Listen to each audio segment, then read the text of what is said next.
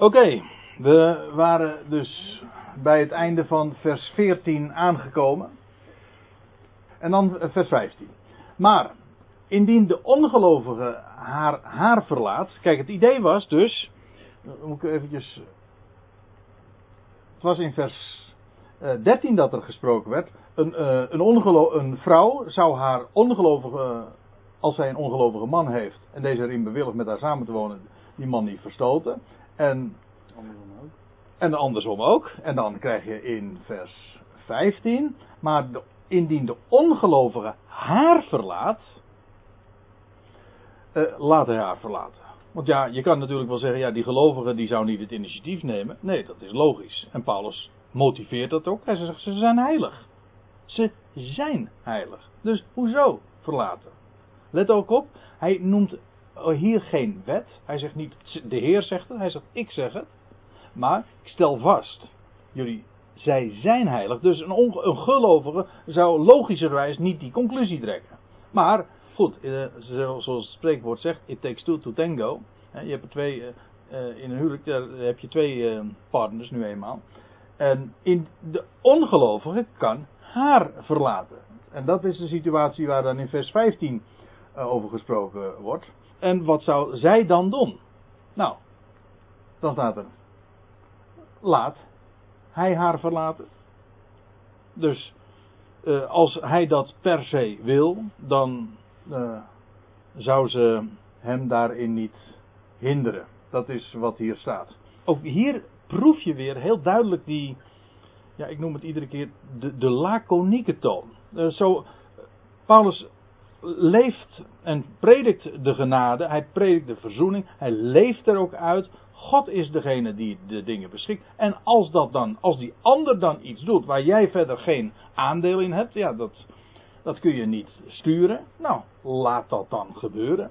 En ook dan motiveert hij het, want hij zegt, de broeder of zuster is in dat geval niet gebonden. Kijk, normaal je zou zeggen, je bent gebonden aan de ander. Als je getrouwd bent, ben je gebonden aan die ander. Anders heet dat losbandigheid. Ben je niet gebonden, je bent gebonden aan elkaar voor het leven. Maar als die ander nou het initiatief neemt en jou verlaat, daarover gaat het hier. Nou, laat dat dan gebeuren. Misschien is dat niet iets wat je, wat je zelf zou willen. Sterker nog, dat wil je zelf niet. Want je ziet die ander als heilig, geheiligd. Maar als de ander dat initiatief neemt, de broeder of zuster is in dat geval niet gebonden. Letterlijk staat er trouwens, uh, ja, het is geen goed Nederlands woord, uh, niet geslaafd. Ja, je kan, ik had ook nog kunnen zeggen niet verslaafd, maar dat is in het Nederlands weer een wat andere betekenis. Maar niet, is geen slaaf in dat geval, is vrij dus. Als de ander dat doet, oké, het zij zo, je bent vrij van die ander dus, die jou verlaat. Jij neemt niet initiatief, maar die ander. En dan staat erbij tot vrede. Ook hier weer het motief in vrede, want dat is wat er letterlijk staat. In vrede heeft God, de God, ook hier weer, heeft de God jullie geroepen. In vrede. Dus waarom daarover ruzie maken? Het is in vrede dat God ons geroepen heeft. Als daar de ander dan iets doet waar jij verder geen invloed op hebt, laat het gebeuren. Je bent niet dan gebonden. Je hoeft die ander dan niet slaafs te blijven volgen, want dat, omdat dat niet zou mogen of zo. Nee, laat het begaan. Je bent niet gebonden, je bent dus vrij. En in vrede heeft God je geroepen. Want, hoe kunt gij weten, vrouw, dat gij een, uw man zult redden. Ja, dat staat er niet zo. Dat woordje dat staat er niet, er staat letterlijk als. Dus dit. En dan krijg je een andere betekenis. Want hoe kunt gij weten, vrouw, de, uh, als gij uw man zult redden. Kijk, je kun je op twee manieren namelijk opvatten. Men heeft het zo, men heeft het betrokken op vers 15. Dan zou je dus de gedachte krijgen van, uh, doe nou geen moeite om, uh, om die ander uh, te weerhouden van zijn besluit of van haar besluit om weg te gaan. Want je, ja, je, je weet toch niet of je die ander kan redden. Of de betekenis is juist dat hij zegt van neem in ieder geval niet zelf het initiatief. Want wie weet dat je die ander redt.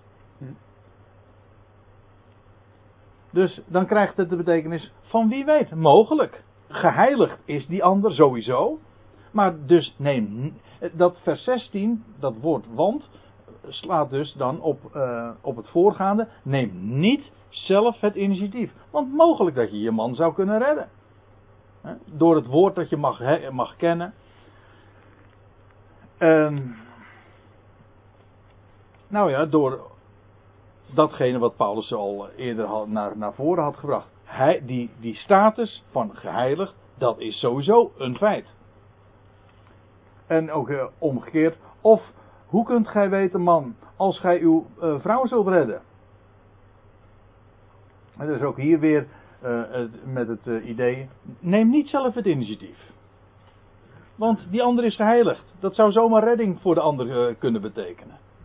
Als die andere doet, oké, maar zelf neem je niet daarvoor het initiatief. Hè? De Statenvertaling spreekt in plaats van redden over uh, samen maken. Ik weet niet of dat een belangrijk verschil is. Ja, dat is uh, heel vaak het geval. Hè?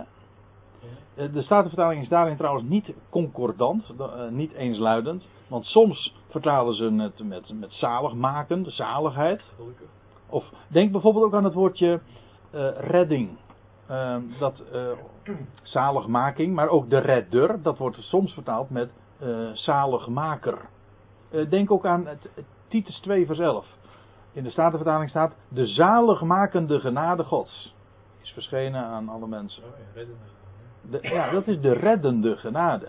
Maar het, het, is niet. Kijk, het woord zalig heeft natuurlijk bij ons ook weer datzelfde idee van de behoudenis voor de eeuwigheid. Nou ja, zalig is bijna niet eens uitgekristalliseerd. Dat is een mystiek woord. Uh. Ja, eigenlijk wel, ja. Maar uh, dat is hier redden hoor.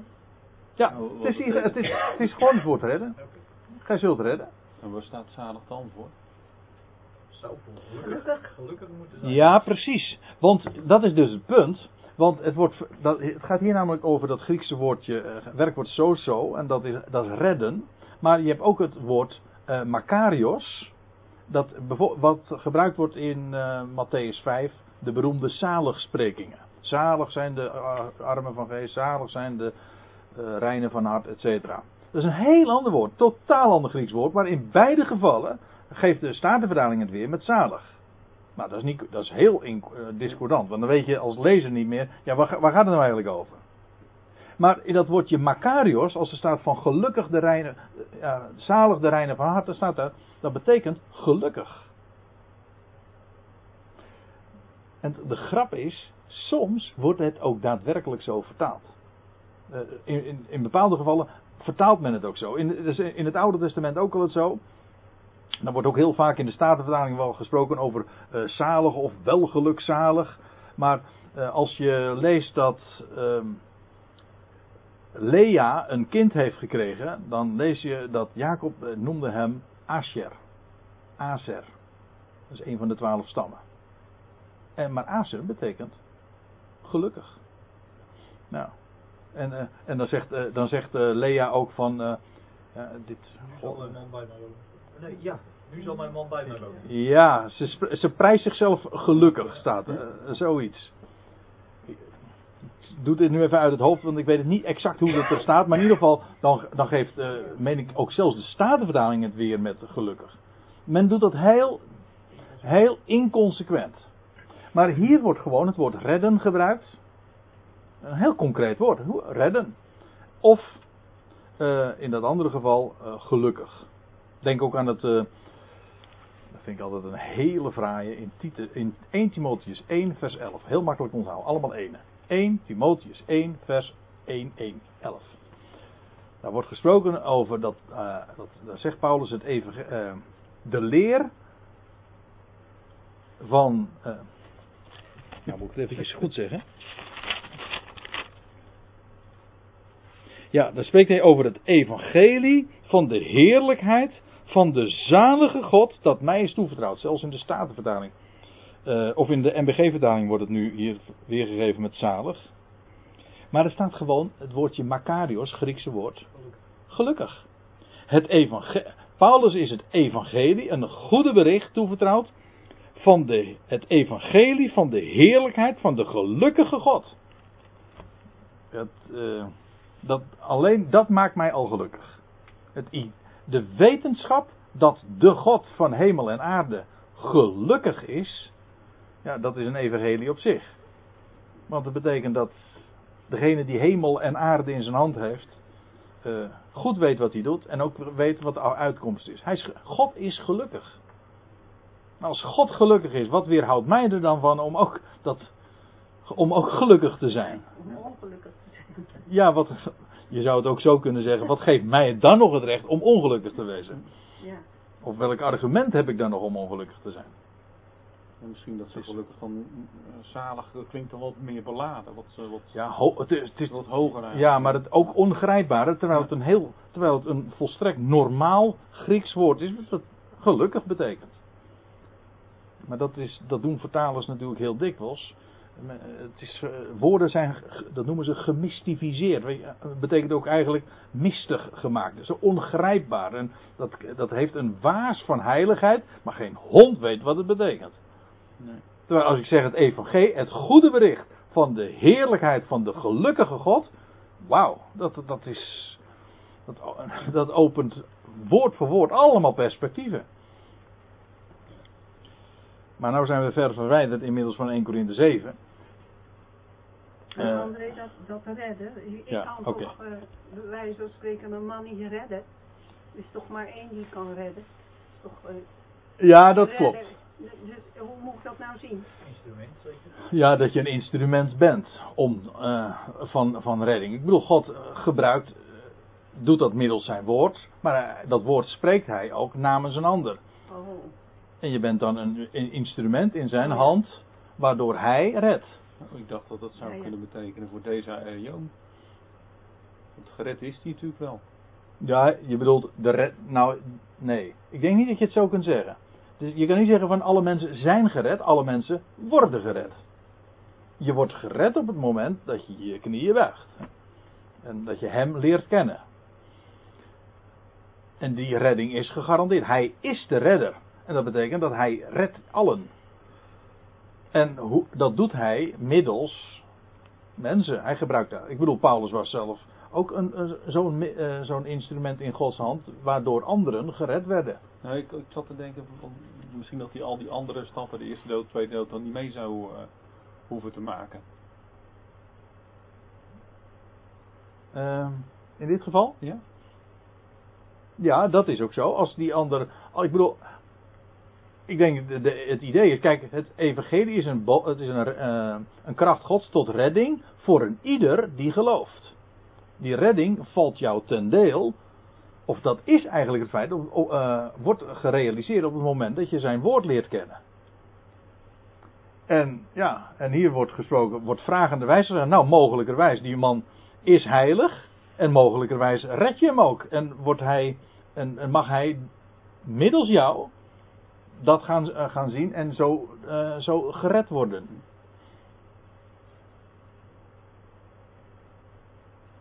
Althans, dat is de wijze waarop ik dit vers dan versta. En hier in eh, het tweede gedeelte van vers 16 is dat weer hetzelfde geval. Hoe kunt gij weten, man, als gij uw vrouw eh, zult redden?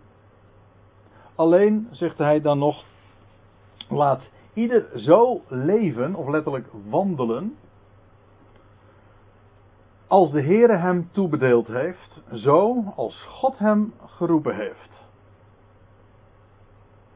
En dit is heel typerend voor de manier waarop Paulus in het algemeen in het leven staat en waarover hij, waarover hij eh, spreekt. Ik bedoel, er waren hele concrete, praktische vragen op hem afgekomen. Hè? Over het huwelijk, over, over, eh, over die hoererij die daar zo, speelde. En dan zegt hij, het ging nu ook over eh, scheiding, vooral over het, eh, een het concrete geval van een vrouw die haar man had verlaten. Nou, daarvan zegt Paulus: blijf ongetrouwd, zodat je je met de ander kunt verzoenen. Eh, de volgende situatie is eh, dat een gelovige misschien zou overwegen haar, haar man of zij, hij zijn vrouw te verstoten of te verlaten omdat ja, vanwege het niet delen van het woord of vanwege het niet delen van het geloof. Nou, Paulus zegt, "N- doe dat niet, neem niet zelf dat initiatief. Als de ander dat doet, prima. Laat dat zo gebeuren. En tot vrede heeft God je geroepen. Of in vrede heeft God je geroepen. En dan, wat daaruit spreekt, is dit.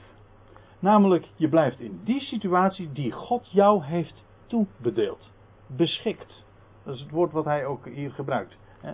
Eh, heeft, ja, dat woord toebedeel is denk ik heel treffend eh, weergegeven. Je krijgt iets, iets valt je ten deel. Dat is, dat is ook typisch de, dat besef wat zich eh, meester gaat maken op het moment dat je gaat realiseren dat er een God is die de dingen beschikt. Hij geeft jou het leven en hij beschikt dat, dat jij in deze situatie bent.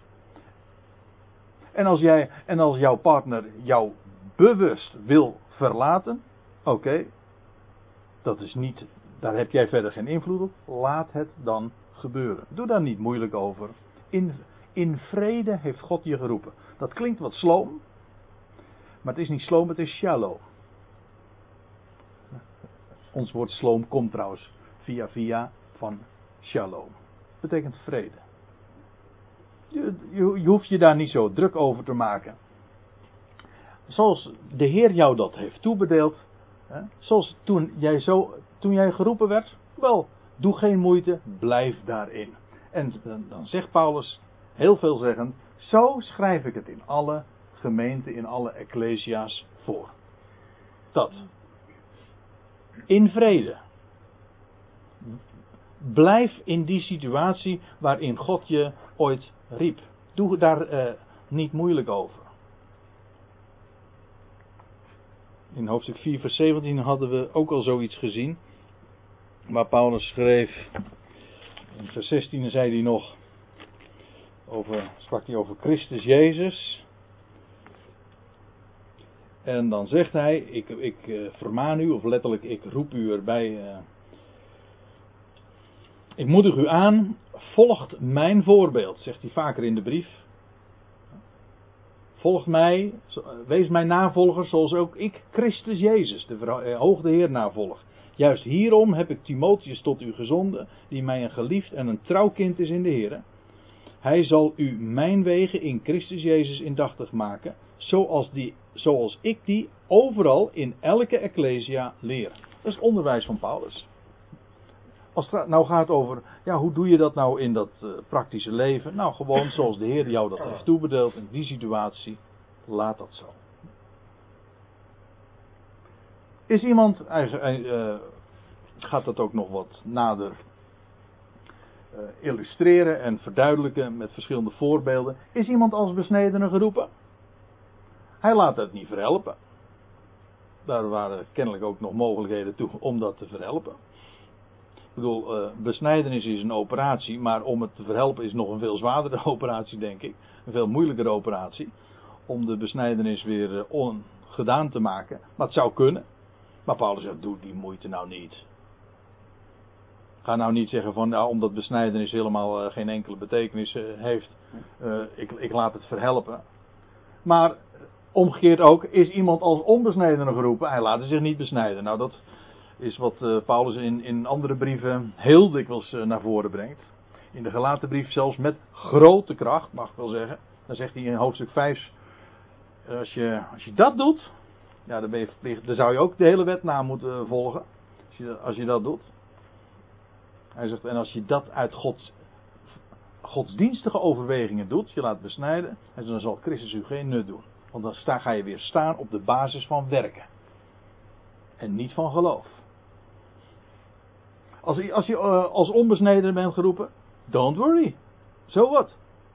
Paulus heeft een evangelie van de onbesnedenen. Dat was een grote ergernis natuurlijk voor het Jodendom.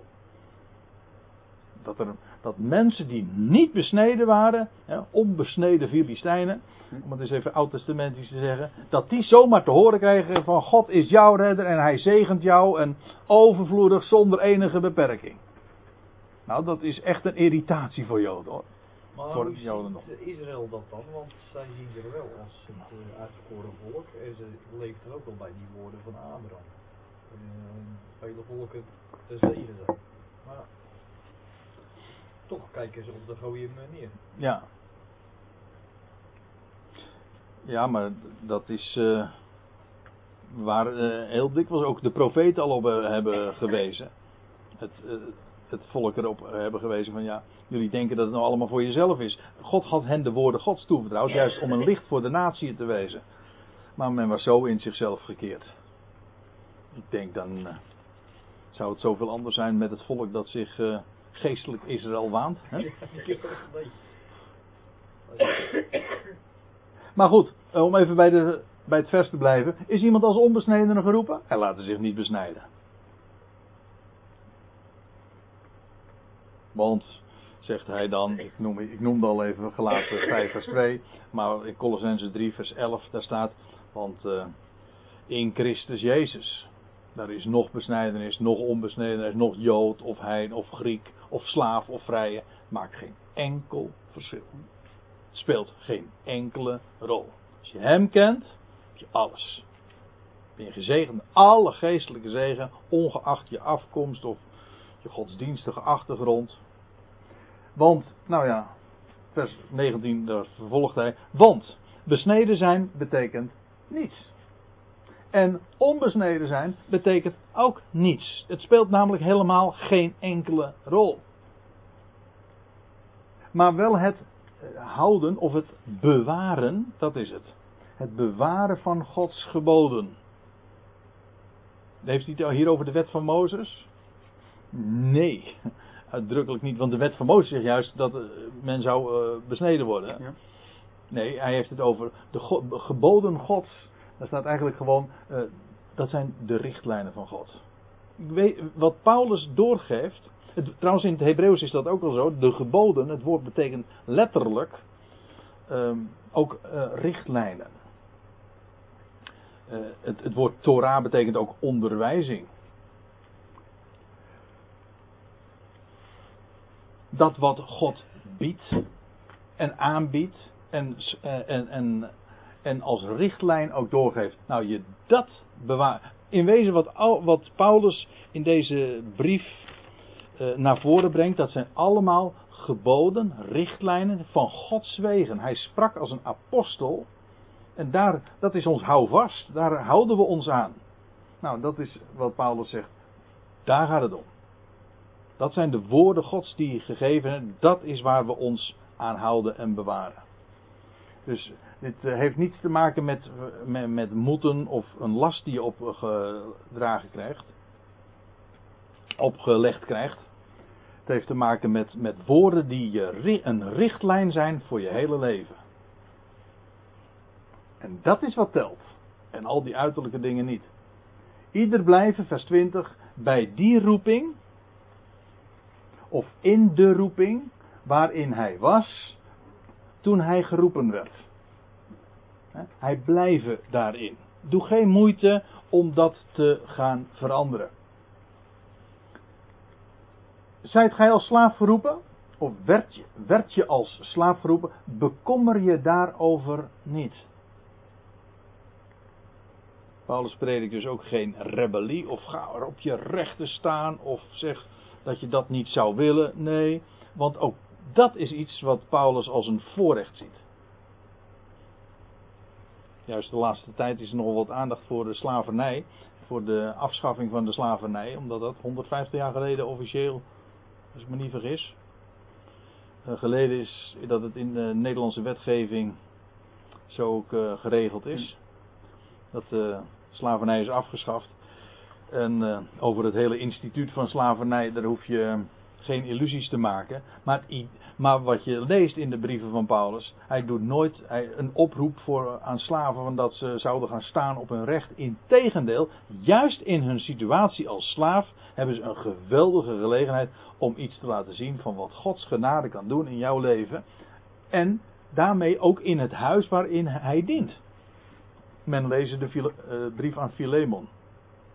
Ook zo'n, uh, gaat het over die weggelopen slaaf, Onesimus. Die, die kan, dat kan een toonbeeld, een model zijn van Gods genade. Want die, dat woord wat ik zojuist eventjes terloops aanhaalde uit Titus 2 vers 11. Want de reddende genade Gods is verschenen aan alle mensen.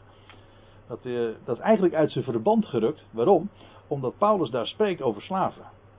Dan zegt hij tegen slaven van, dat ze het een meester in alles naar de zin maken. En dan staat er om de leer van God onze, niet zalig maken, om de leer van God onze redder in alles te versieren. En dan staat erachter, want de genade, de reddende genade Gods is verschenen aan alle mensen om ons op te voeden. En nou ja, het vers gaat nog verder. Maar het gaat over slaven, die de leer van God onze redder mogen versieren. Dus hoezo bekommeren? God heeft jou daarin geroepen.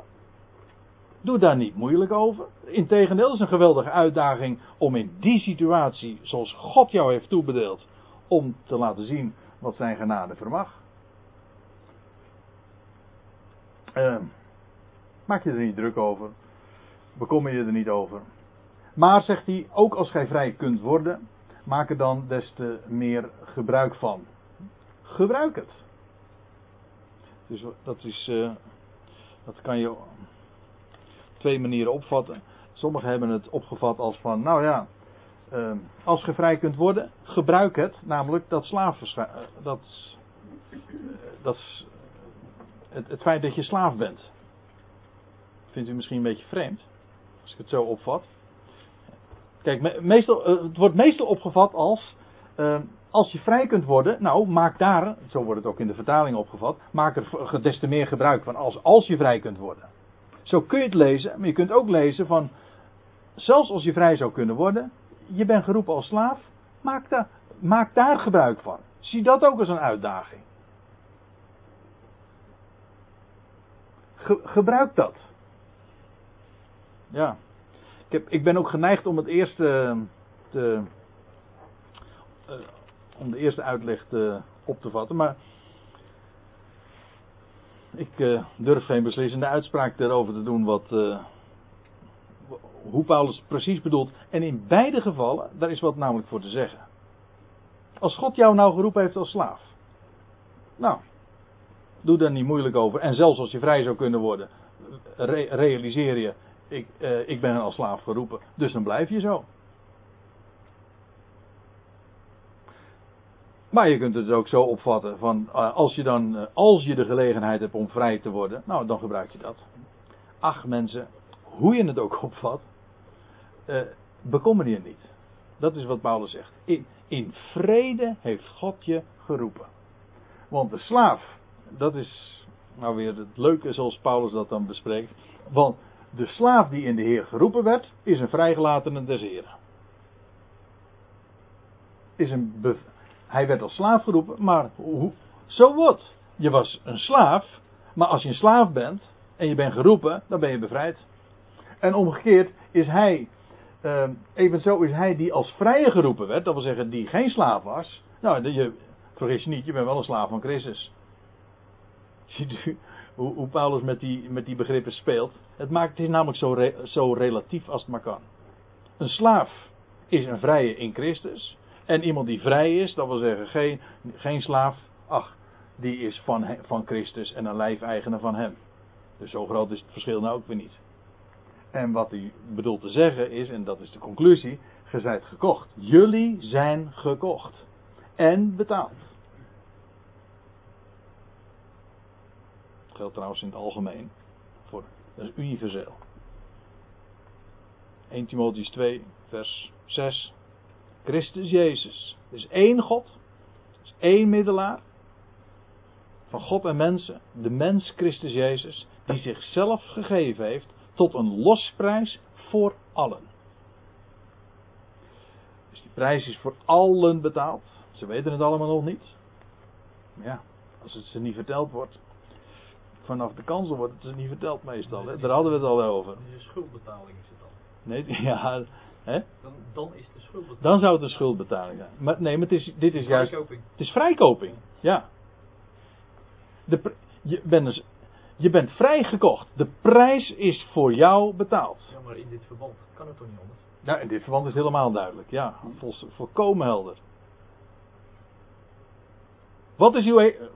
We waren al in kerkelijke sferen eerder in deze avond eh, beland. Nou, als goed reformatorisch opgevoed uh, jongen zeg ik nu. Wat, zondag één. Wat is uw enige troost in leven en in sterven? Dat ik mijn enige zalig maken. Dat ik, Eigendom ben, hè? dat ik het eigendom ben. Niet van mijzelf.